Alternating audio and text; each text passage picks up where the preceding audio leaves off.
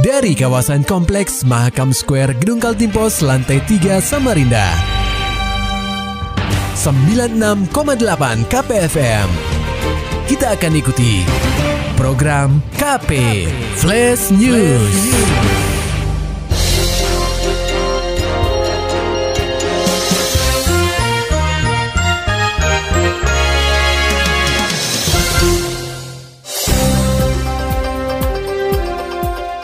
Anda sedang menyimak program KP Flash News bersama saya Agung Pratama.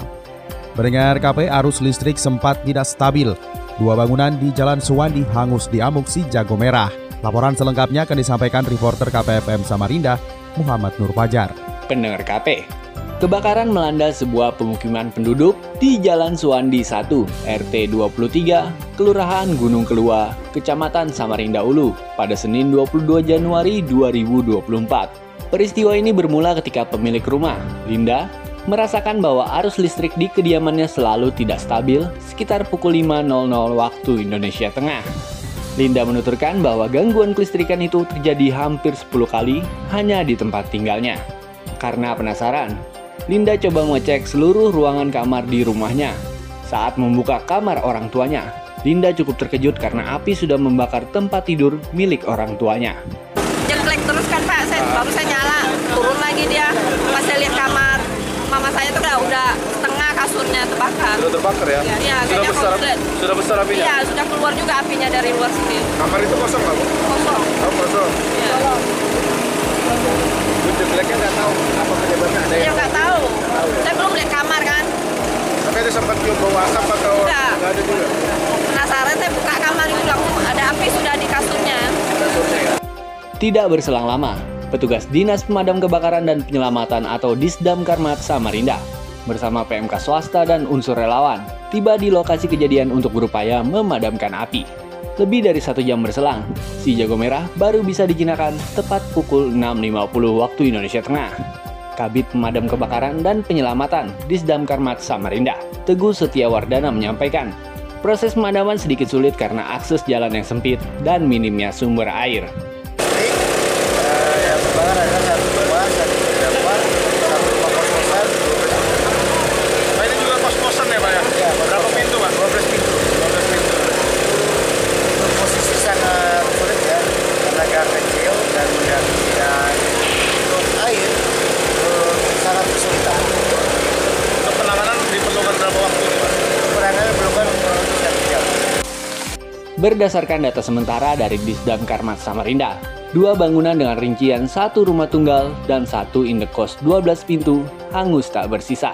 Saat ini, pihak kepolisian tengah melakukan penyelidikan untuk mengetahui penyebab pasti musibah kebakaran ini. KPFM Samarinda, Muhammad Fajar, melaporkan. Beralih ke kabar hukum dan kriminal pendengar KP, kurang dari 24 jam pelaku penjamretan seorang pria di Jalan Daman Huri Gang Melati, Kecamatan Sungai Pinang, mampu dibekuk oleh Polsek Sungai Pinang pada Selasa 16 Januari 2024. Aksi nekat pelaku ini terjadi pada Selasa 16 Januari 2024 sekitar pukul 11.00 waktu Indonesia Tengah. Berdasarkan rekaman CCTV terlihat bahwa pelaku yang menggunakan sepeda motor berupaya merampas handphone dari seorang pejalan kaki di Jalan Damanhuri, Gang Melati, Kecamatan Sungai Pinang. Setelah berhasil, pelaku langsung melaju dengan sepeda motornya menghindari kejaran warga. Kapolresta Samarinda Kombes Pol Arif Hadli menerangkan berdasarkan rekaman CCTV yang viral di media sosial serta laporan dari korban, jajaran Polsek Sungai Pinang segera melakukan pengejaran terhadap pelaku. Tujuh jam berselang, pelaku yang diketahui berinisial SS ini berhasil dibekuk di Jalan Merdeka 3 beserta barang bukti handphone hasil curian. Berdasarkan hasil pemeriksaan dan pengembangan, Ari menambahkan, sehari sebelum melaksanakan penjamretan, pelaku juga pernah melakukan pencurian dengan pemberatan di wilayah hukum Polsek Sungai Pinang.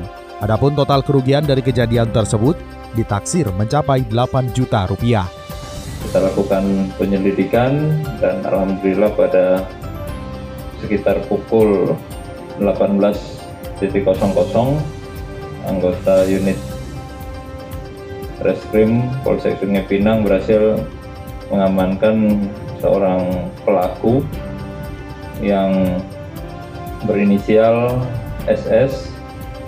Ini kita amankan di Jalan Merdeka 3, Kelurahan Sungai Pinang, Kota Samarinda. Berikut barang buktinya.